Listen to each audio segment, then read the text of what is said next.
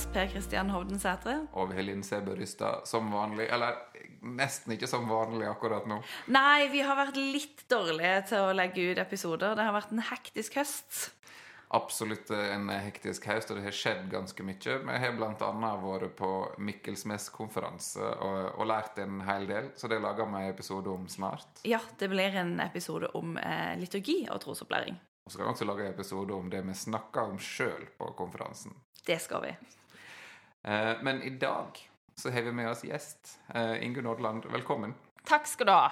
For i dag skal vi snakke om eh, barnebibler. Både noen kritiske perspektiver på barnebibler, og også hvordan de kan ja, leses og brukes når vi skal lage forkynnelse for barn. Men kan ikke du si litt mer om deg sjøl, Ingunn? Ja. Jeg er rådgiver for trosopplæring på IKO, Kirkelig pedagogisk senter. Før jeg begynte der, så jobbet jeg jo her på MF og tok en doktorgrad i Gamle testamentet. Eh, nærmere bestemt Dødehavsrullene. eh, så spranget til eh, IKO var jo eh, litt stort. Eh, men eh, interessen for si, manuskript har jo alltid vært der. Og da når jeg jobbet på IKO, var det naturlig å begynne med barnebiblene som sto i hyllene. Og siden det så har jeg vært veldig opptatt av barnebibler og forsket på, på de. Når du gikk til bokhyllene, hva fant du da? Du, det er jo drøssevis av barnebøker med Bibel. Mye Noas ark. Eh, men eh, det jeg fant, det var jo at veldig mange av de av barnebiblene hadde mange historier eh, med mannlige hovedpersoner. Jeg skal vise et eksempel. og Det er en, eh, en, barnebibelbok som heter 'Fortellinger fra Bibelen om Jesus og mennesker om Gud'. Den er fra 2007. Eh, og i innledningen til den, den er veldig interessant, der står det Til deg som får denne boka. I Det gamle testamentet står det om at Gud skapte verden og menneskene. Det står om Noah, Abraham, Josef og Moses, Samuel, David og mange andre. Ja, og så står det litt om Nye testamentet. Eh, I nye testamentet står det om Jesus og vennene hans og de første kristne. Jesus er hovedpersonen i Bibelen, derfor kan det være lurt å begynne med fortellingene fra Det nye testamentet. Skal jeg legge til et utdrag helt på slutten av denne innledningen? Fortellingen i Bibelen er viktig i kristendommen. Det er de som forteller oss hva kristendom er, det er viktig å bli kjent med hva Bibelen forteller om Jesus og om mennesket og Gud. Og da slår det meg eh, Hva er så et menneske? Skal vi prøve å svare? Ja. Altså, vi har jo eh, Jeg vil jo tippe, når jeg har hørt eh, det før, at det mennesket ofte blir en mann, da. Det blir veldig ofte en mann i, i denne litteraturen. Så jeg, eh, hvis jeg kunne vært konsulent på denne, på denne, teksten, så ville jeg ha skrevet om og sagt i Det gamle testamentet står det om at Gud skapte verden og menneskene. Det står om Abraham og Sara, Moses og Miriam, Hanna og Samuel, David, Ruth, Ester og mange andre. Altså eh, denne kanonen, dette utvalget av bibelfortellinger, der er det veldig ofte mange menn. Og mange tror jo at det er fordi Bibelen bare handler om, om menn. Eh, jeg vet ikke om dere kjenner Tindberg sin eh, barnebibel. Kjempeflott. Og han har jo en slags eh, feministisk agenda, tenker jeg, i hans fortelling. Han dikter frem jenter og kvinner. Men de bibelske kvinnene, altså de det står om i Bibelen, de er jo ikke der.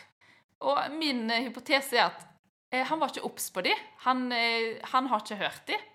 Fordi i vår kultur så kjenner vi ikke til kvinnene i disse fortellingene. Vi kjenner, altså De, de såkalt viktigste, eller de mest kjente fortellingene, det er fortellinger med mannlige hovedpersoner. Så eh, Derfor reproduserer på en måte barnebibelen en, en slags mannlig bibelkanon. Ja. Og det er jo litt synd. ja. tenker jeg. Men i den boka du refererer til, er disse her fortellingene med kvinnelige hovedpersoner er de fortalt i det hele tatt, eller er de bare utlatt i innledninga? De er først og fremst utlatt i innledningen, for dette er en bibelfortelling som ligger nær bibelteksten, så de mm. dukker opp. Men eh, mindre enn en skulle tro. Miriam er veldig marginalisert, så vidt jeg husker. Og eh, ja, Martha Maria-fortellingen finnes i Nytestamentet, men ikke under overskriften 'Jesus og vennene hans'. Det er helt påfallende. Når det er Jesus og vennene hans, eh, så er det kun mannlige hovedpersoner. Så ja, det finnes der, men de er marginalisert i, i strukturen og i, i, innledningsoverskriften. Så når man selger det, det er det som er fascinerende òg. Når vi skal selge en bibel, eh, så er jo hovedskriften eh, og, og, og tittel viktig, og innholdsoverskrift viktig. Og der, eh, der forsvinner de ofte ut. Det samme ser vi i Møllerhavet sin bestselger, en dansk. Den er jo eh, kjempeflott, veldig vakker. Ble gitt ut på ny i 2016. Der er det samme. Det er en veldig omfattende barnebibel. I innholdsoversikten eh, så er det kun, altså av jeg vet ikke hvor mange, 40 fortellinger, så er det Eva, Adam og Eva. Der har vi et, en kvinnenavn i GT. Og så i jente er det kun Maria i Josef og Maria. Så er det kun mannlige navn. Så ja. Det, du har jo mange eksempler her, og du kunne kanskje komme med enda flere, eller? Ja. ja. Men la oss ikke gjøre det. men, det, det, er litt interessant, for jeg kom på nå at jeg fikk et hint her om dagen om å lese Fjerde Makaber-bok, som er omtrent samme, fra samme tid som Nye Testamentet. Og der er det ei mor som gjengir hva den avdøde faren lærte bort til sønnene sine. Eh, og da nevner hun en masse fortellinger fra GT.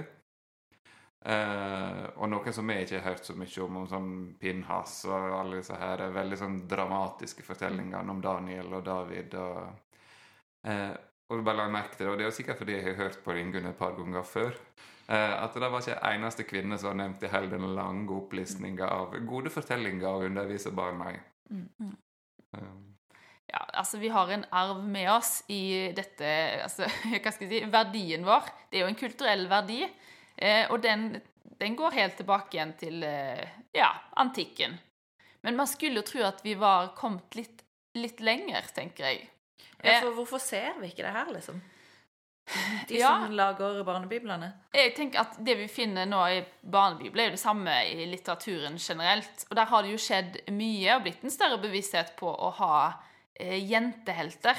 Det er ganske nyttig. Vi har jo selvfølgelig Pippi, men utover det så er det ofte guttehelter. Og et argument var jo at for å få gutter til å lese, så må de være guttehelter. For vi jenter har jo lest alt hele veien.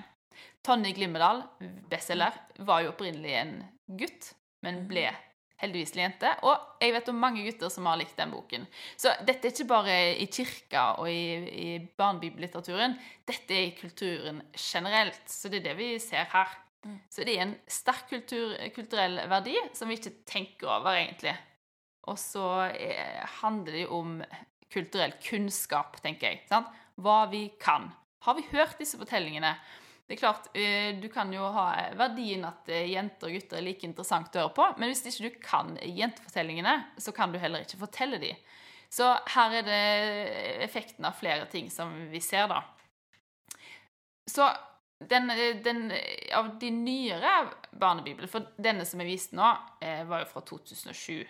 Det er jo en stund siden. Så det har skjedd en hel del i akkurat dette med, med, med kanon. Altså, i tidslinjen, for eksempel, så har vi med både Rebekka og Ruth. Ja. Mm. Så du ser det ønsket om å trekke inn flere kvinnehistorier. Eh, og vi er veldig bevisst på det og har vært det på IK. Så det skjer jo mye der. Ja.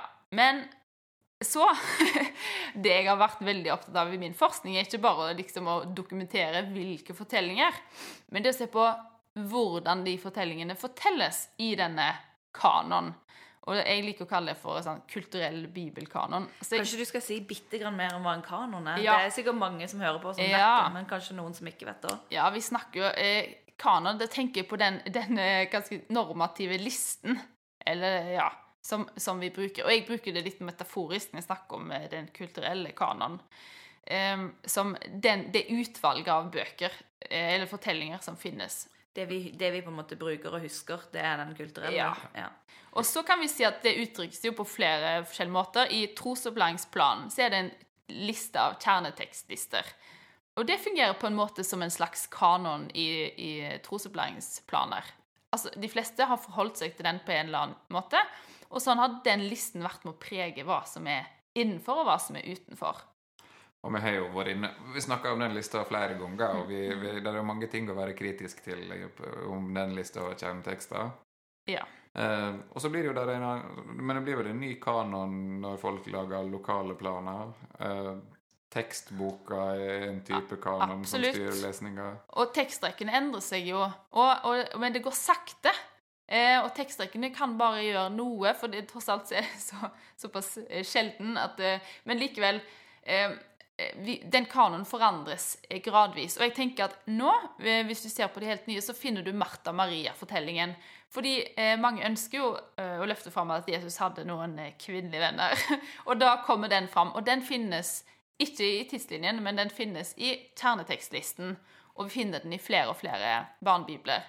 Eh, Hva slags Martha og Maria? Martha og Maria, når Jesus besøker Martha og Maria Ja, ja nettopp. Det finnes jo en i Johannes eh, Som, som, som del av Lasarus-fortellinga. Ja. Kan jeg få lov til å si litt om den, eller? Ja, det kan for, for det er en eh, tekst som jeg ofte bruker som eksempel på, på hvordan en tekst eh, virker i kulturen. For hvis vi hadde hatt tid til å lese Johannes 11, så ville vi i innledningen av eh, kapittel 11 høre, og jeg har faktisk teksten her foran meg En mann som het Lasarus Løksjuk, sjuk. Han var fra Betania, den byen som Maria og Martha, søstrene, bodde i. Det var Maria som hadde salvet Herren med olje og tørka føttene hans med håret sitt. Og Lasarus som lå var sjuk, han var bror hennes. Nå leser jeg litt eh, kjapt her, og så skal jeg legge til et vers til. Vers 5. Jesus var svært glad i Martha og søster hennes og Lasarus. Når jeg eh, leser den eh, med folk som er på kurs hos oss på IK, så spør jeg hvem handler denne fortellingen om?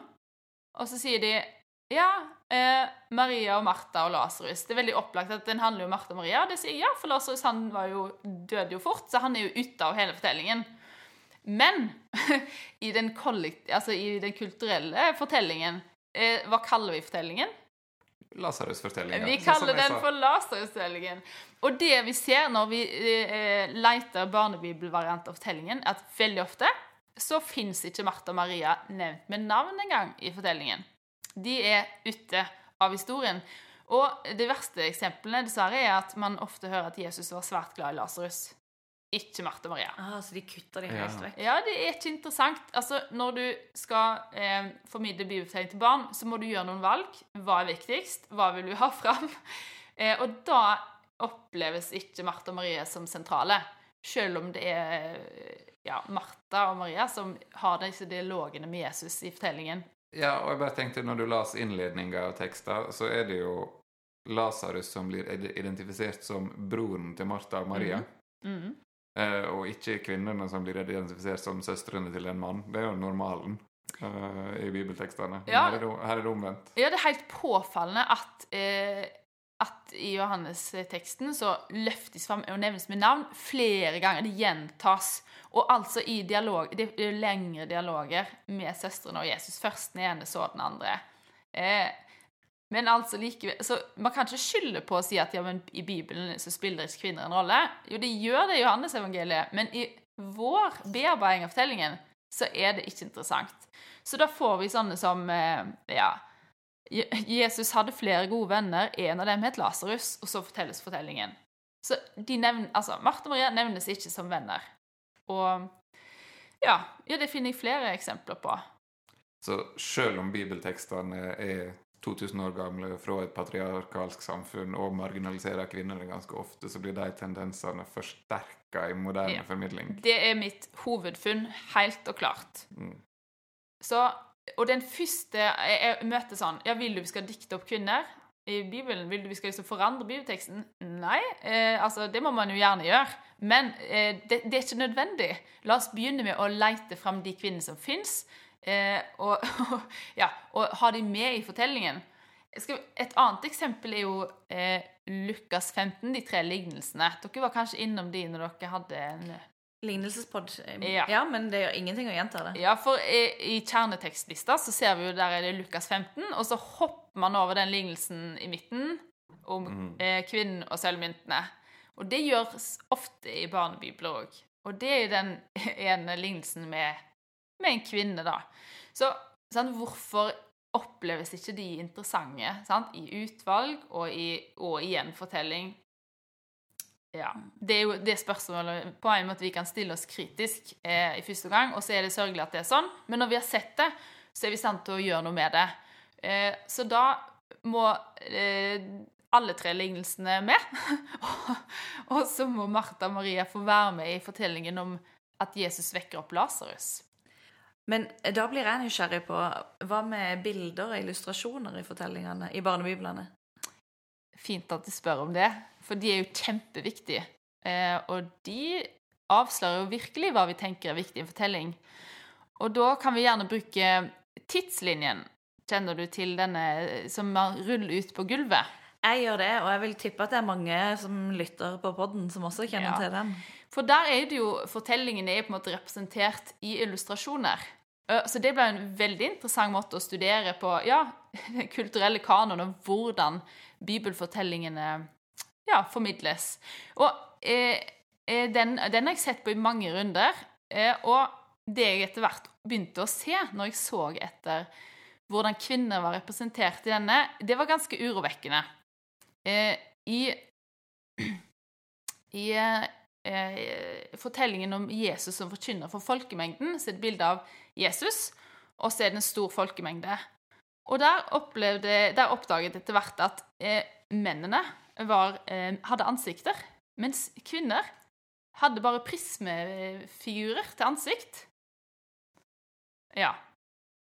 Og så begynte jeg å se videre, da. Hvorfor er det sånn? Og så la jeg merke til at veldig mange ganger så, hadde, så fikk vi ikke ansiktene til disse kvinnene, vi så bare ryggen. Eh, Jeg så oppdaget òg at bildet av pinsefortellingen Der er jo eh, kvinner med i illustrasjonen, og det er jo fantastisk, for ofte så er de ikke med i fortellingen i det hele tatt. Men her har alle disiplene, altså de mannlige disiplene, eh, ans altså ansiktet er veldig åpent og øynene er vidåpne, mens damene har øynene igjen. Og det er etter hvert oppdaget, at eh, gjennomgående i illustrasjonene så har eh, mennene i bildet to åpne øyne, mens kvinnene har bare enten lukkede øyne eller ingen øyne, eller bare ett øye. Fordi de står i profil, da. Fordi de er plassert i Ja. profil. Eh, og kan du si at det kunne vært tilfeldig, så derfor la oss, så jeg så på Adam og Eva som på en måte er protomennesket, og der ser du eh, Adam som står og ser mot Eva med to øyne, og så har Eva ett øye. Og det samme er bildet helt til sist, med ny himmel og ny jord. Da har eh, kvinnen ett serieprofil, bare ett øye. Og det som er påfallende, at det gjelder også barn, gutter og jenter. Gutter har to øyne, ser, eh, ser hele ansiktet, mens jenter bare ett. Er det alltid sånn, skulle jeg si? Er det ingen unntak Ja. fra regelen? Altså, I Nytestamentet er det helt gjennomgående. I palmeintoget eh, ja, eh, ja, det er gjennomgående i NT. Vi har ett unntak, og det er jomfru Maria. Eh, og hun er jo jomfru, og ja Tradisjonelt sett så er jo en jomfru nesten som en mann å regne. Så i, gresk, eh, i det greske verdensbildet, holdt jeg på å si. Så det kan forklares på den måten. I GT så er det langt flere kvinnefortellinger. Der har vi flere kvinner i sentrum. Og når de er alene i bildet, så har du ansiktet. Men så snart det er menn og kvinner i et bilde, så ser du den samme tendensen. Men det er noen få unntak eh, i, i eh, noen folkegrupper. Salomo sine konkubiner. Da har vi en som har to øyne. Men, men eh, med unntak av det, så er det altså sånn at kvinner er presentert altså uten ansikt, eller bare med ett øye. Og det er jo ganske urovekkende, sant? Hva sier, hva sier det? Og jeg har jo selvfølgelig noen hypoteser. Og... Ja, kom med hypotesen. Nei da. Jeg tror jo virkelig ikke det er sånn at den som har illustrert dette, har tenkt nå skal vi eh, passe på å marginalisere kvinner. Eller umyndiggjøre kvinner. Dette tror jeg har skjedd helt ubevisst. Delvis som en innlevelse i den antikke verden, der kvinner jo var marginalisert. Men òg at det sier noe om, eh, om synet på, på kvinnen, altså. For det som, eh, det, den linsen jeg har brukt når jeg har sett på disse bildene, er å se på makthierarki i illustra illustrasjonene. Og på de bildene der vi har eh, noen eh, som blir helbredet, så er jo Jesus sin kropp er jo dobbelt så stor. Så det er sånne mekanismer som skjer i bildet, at noen blir større, noen får et perspektiv, og noen blir mindre og får et magnisert perspektiv. Og det er jo en kommunikasjonsform eh, som skjer i illustrasjonen. Så dette er Ja. Dette avslører holdninger eh, ja, som, som ligger dypt forankra i kroppene våre, rett og slett. Ja, For du tror altså at dette her har skjedd uten at noen egentlig har tenkt over det, og det har passert redaksjonen uten Ja. eh, Garantert. Garantert. Når, når illustratør skal lage Jesus og barna, ønsker jo å få fra altså, Og kvinnen er med ryggen til, og eneste gutten har to øyne, og jentene har bare ett. Det er helt ubevisst. Men det ser jo litt stilistisk ut, i og med at det er såpass gjennomført. Men hvis, det, hvis vi da Du snakka litt om hvilken linse du hadde brukt. Og hvis vi da, ja. som alle er innsausa i denne kulturen, skal prøve å bli litt mer bevisst på, Ja. eh, på hva som skjer i, de, i den kulturelle kanon, Ja. hva for, har du for jeg tenker det er noen av de færreste som skal lage barnebibler. Ja. Ja. Eh, heldigvis, kanskje. Eh, men at eh, det, det så, den prosessene som ligger bak når en lager en illustrasjon eller lager en gjenfortelling, det minner jo om det alle holdt på med hele tida. Jeg tenker på den episoden vi hadde med Elin eh, Ovland tidlig i høst, om de som lager babyteater. Mm. Og at de også hadde jobba på denne måten med tekstene, men fått helt andre uttrykk. Men mye Ja. tolkninga var den samme. For de som hører på denne podkasten, skal jo ofte lage forkynnelse, da. Og da er det jo mye av de samme, samme mekanismen. Altså, du skal eh, si noe Mm. om en bibeltekst til barn, og da må du ta mange valg på hva Ja. du velger Mm. inn, og hva du velger ut. Og Har du noen tips til oss som man kan se på det med et litt kritisk Ja, blikk, så en slipper å gå i samme fella? Ja, altså For å forenkle det veldig, så liker jeg jo å snakke om å ta på seg linser. Fordi eh, mange tenker at vi bare Nei, mange. Noen tenker jeg bare gir bibelfortellingen. Men, men det går ikke an, fordi bibelfortellingen har antagelig gått gjennom det kulturelle filteret ditt, og du har en idé om hva bibelfortellingen handler om, og hva som står der. Selv om du leser bibelteksten, så, så har vi et sterkt filter. Så for å, eh, for å fange opp disse tingene, så, så jeg snakk for, veldig forenkla, så kan vi bruke tre ulike linser. Og det første er barnelinsen. Se etter barn i fortellingen, fordi barn går ofte under radaren. Og det jeg finner også at eh, ofte så tror vi at karakterer i fortellingene er mye eldre. I illustrasjonene så blir veldig mange av bibelpersonene gamle menn. Veldig ofte. Så se etter barna. Er de så gamle nødvendigvis, selv om de har navn? og tenk igjen det, det, Da plutselig kan man oppdage Er det noen ungdommer her. Ja. Og det, og det vet jo vi sånn statistisk at folk ble jo ikke så gamle. Altså, Der er ikke så mange gamle folk å ta av for å fylle disse fortellingene. Ja. Og bare det at altså, Tradisjonen sier jo at Jesu disipler levde til eh, langt opp imot århundre. Og det er klart, hvis de, da, hvis de da gjorde det, så hvor gamle var de da i år 30? Altså, Ja. de, blir jo, de blir jo tenåringer, hele gjengen. Men, men det er et sånt perspektiv som vi ikke tar med oss inn. Ja, og noen av disiplene ble jo kalt mens de satt med far sin i båten. Eh, Og hvis de ikke ble så gamle, så må jo faren fortsatt ha levd og vært yrkesaktiv. Så, så gamle var de jo ikke. Men vi, vi tenker at bibelfortellinger med navn har autoritet, ergo gamle menn. Vi tenker ikke den tanken, det skjer automatisk. Så det å gjenoppdage personer i Bibelen, eh, finne barna, det er en linse som, som gjør at vi oppdager mer. Og så er det kjønnsperspektiv. Se etter kvinner og menn i, i fortellingen. Hvordan er kvinnene representert?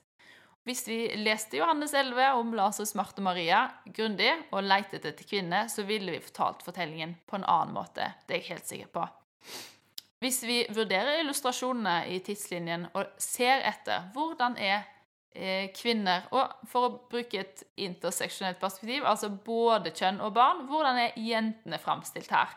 For det er litt fælt å se at gutter eh, har et ansikt, to øyne, og jenter, barna, gjennomgående har ett. Altså jenter har gjennomgående ett øye i denne. Eh, og det er en barnebibel for barn i dag Mm. som skal invitere til livstolkning. Så det, hadde vi hatt den linsen på, så ville vi sett det, og da ville vi ikke levd godt med det. Og så er det den siste eh, linsen, og det er hvilke kropper er det vi presenterer? Hva er den normative kroppen? Mm. Og hvordan, for eksempel, og det, dette har jeg lært av Rebekka Solvåg, professor i Jente på Vid, eh, som har jobbet mye med dette. Og hennes, når hun leser 'Den lamme mannen', så sier hun eh, Vi snakker ofte om lammannen og vennene hans, men hva om det var slaven hans? Hva om den lamme mannen faktisk er en som sier 'I dag har jeg lyst til å møte Jesus. Ta meg med dit.' Men vi eh, marginaliserer fullstendig hans stemme og vilje. Eh, ja. Mm. Og det er fordi vi ikke har oppdaget at han har en egen vilje. Så det å oppdage eh, den funksjonshemmedes eh, stemme ja. Så se etter og, og, og, hvordan er kvinner fremstilt. De ser ut som prinsesser og Barbie-dokker. Ja, Ønsker vi det? For det ser ut som Beyoncé, hun ene. Ja. Ja. Ja, det, men òg i, i søndagsskolen eh, eh, sitt så, ah, skapelsesnummer så var det to eh, Disney-figurer på framsiden. Hva er den, hva, hvilke kropper ønsker vi å eh, ja, assosiere Bibelen med? Så det er sånne ting. Med disse linsene, og så må vi ikke sant, vi kan ikke bare velge oss én. Vi må jo ha med alle, selvfølgelig, men for å virkelig for, eh, Det kan være veldig Ja, det kan være en hjelp å ta én om gangen. Eh, og da Og, og, ja, og, og gjøre det på to nivå. Altså, for det er jo både viktig å se på bibeltekstene i dette Mm. perspektivet. For, der også, for altså, i selve tekstene sånn som de står, så skjer jo der en del ting. Og du, altså, det er jo Det er jo en liten kjepphest her i denne podden å lese bibelteksten ja. nøye. ja. men altså også måtte stille disse kritiske spørsmålene. Altså, hvordan blir disse barna framstilt? Hvordan blir disse Ja. kvinnene framstilt? Er det sikkert at en skal overta alle de måtene i formidlinga? Mm. Eller skal en snakke mot tekster? Ja, Ja, det er jo eh, det er viktig. Vi må tillate oss å være bibelkritiske. Jeg har lyst til å gi et siste case, hvis det er tid til det. Eh, Og det er jo hvor lett eh, kvinner som er syndige, eh, havner i denne kulturelle kanonen. Eh, altså Jeg har opplevd noen som sier at hvis de ser gjennom kvinnefortellingen de har brukt, så var det bare kvinner knytta til synd. Og det er de fortellingene vi kan best. Og det er jo det vi ser i tidssynet nå. Den ene kvinnefortellingen i NT er kvinnen som var grepet i hor. Og bildet av en kvinne som i og for seg bare er en kropp. Hun har jo ikke en egen stemme i bibelteksten. Så kan vi si at dette er en god gjenfortelling av teksten, i og for seg. Men, men hva er det vi tar med oss videre? Og det, det er jo to ting. Det første er at det finnes andre kvinnefortellinger som vi òg kan ha med, for å ikke assosiere alle bibelske kvinner med synd. For eksempel da Martha Maria, som er mitt Mm. beste eksempel. Og kvinnen som salver Jesus, som ikke var knytta til synd. Men i tradisjonen blir slått sammen med både hun som brøt ekteskapet, og Maria Ja. Magdalena, og blir en sånn multikarakter som tjener alle Ja, formål. og det har vi dessverre et grelt eksempel på i bibelfortellinger. Eh, For der er den eh, ja. Bibelfortellingen en ganske omfattende gjenfortelling eh, fra IK. Og der er den en hovedoverskrift. Eh, Lukas 7, kvinnen som salver. Der er hun jo en synderinne. Eh, men for de som kjenner Lukas evangeliet godt, vet at i kapittel 8 så står det om eh, kvinner som fulgte Jesus. Og de er jo navngitt. Jeg har jo faktisk slått opp her. Det var der Bibelen din lå åpen. det ligger alltid åpent på Lukas 8. Eh, der har vi Maria Magdalena og Johanna, som er gift med Kusa, en forvalter hos Herodes, og Susanne og mange andre. Men eh, Maria Magdalena hun er jo ikke egentlig omtalt som synder i Bibelen, men tradisjonen har gjort henne til en synderinne, Ja. prostituert. Paven har jo til og med gått ut og sagt at hun er ikke det. Et, ja, i, ny, I nyere tid. Men i bibelfortellinger så er rett og slett eh, Lukas 8 slusa inn under kapitlet 'Kvinnen som fikk syndene tilgitt'. Og vi får bare høre om Mag Maria Magdalena, ikke de andre kvinnene. Og vi Mm. får bare høre om kvinner som ble helbredet og for onde ånder. Så ergo er barnebibelkanon er med å forsterke eh, denne eh, kvinne, kvinner knytta til synd. Fordi vi gjenkjenner kvinner som ikke er syndige i Bibelen, med eh, kvinner som er synderinne. Så det må jeg si at det er en ting at det er et stigma i bibelteksten, men barnebibelen øker på stigmatiseringsprosesser veldig. Mm. Og med en linse, kjenn, kjenn denne linsen, så burde vi oppdage det og se hva er det vi gjør her nå. Hvordan representerer vi eh, kvinnen Ja. Ja, og jeg tenker sånn, altså med fortel fortellinga om kvinner som blir tatt i ekteskapsbrudd du, du nevnte det før sending. Eh, at der er det noen menn også i bakgrunnen. ja. Eh, og de som på en måte snur og på en måte ikke kaster stein likevel og sånn. Eh, de er jo, I tidslinja så er jo de blitt eh, til eh, De er bare noen små figurer i Ja. bakgrunnen, er ikke det? De er statister, ja. For, ja. De, og, vi ser noen mørke menn som går bort. Og jeg tenker kontrasten er jo bare tenker på den scenen, den er jo med i Monty Python sin eh, Life of Brian. Ja. Og der er det jo de mennene det handler om. Ja. Der ser vi nesten ikke kvinner. Altså Det er en- del andre ting som skjer der. Ja. Eh, men da er det plutselig relasjonen mellom Jesus og de som er framheva. Men da altså, kunne vi jo være litt vanskelig så da er kvinner marginalisert fra den historien òg. Men eh, den type marginalisering ønsker jeg velkommen. Nei, vi må jo alltid ha det st store bildet med oss. Sant? I helhet. Eh, hvilke roller har kvinner i denne barnebibelen? Hvis det er én kvinnefortelling, og det er en syndig kvinne, så syns jeg faktisk vi har et problem. Eh, men, eh, men hvis vi har et mangfoldig bilde og drar med oss kvinner og menn og gutter og jenter gjennom hele, og, eh, og skaper en, eh, en mangfoldig representasjon, så selvfølgelig kan vi tåle eh, kvinner som er grepet i hor, og som Jesus tilgir. Ja. Men det er jo et eh, veldig viktig poeng inn eh, når en skal tenke forkynnelse til barn. Da, hva slags representasjon av kvinner og barn og kropper vi gjengir. Så jeg tror at Og også der selvfølgelig i forkynnelsen skal du ikke si alt på en gang. Du må velge deg ut et fokus osv. Så, videre. så da tenker jeg at det er rådet ditt om å gjerne lese kritisk, men kanskje ikke alle perspektivene på en gang i alle prekenene. Men sånn over et år, da. Og i neste episode så skal vi faktisk eh, bruke disse linsene på ei veldig mye brukt fortelling. Det skal vi. Så følg med. Ja. Da høres vi snart. Tusen takk, Ingunn. Sjøl takk. Ha det bra.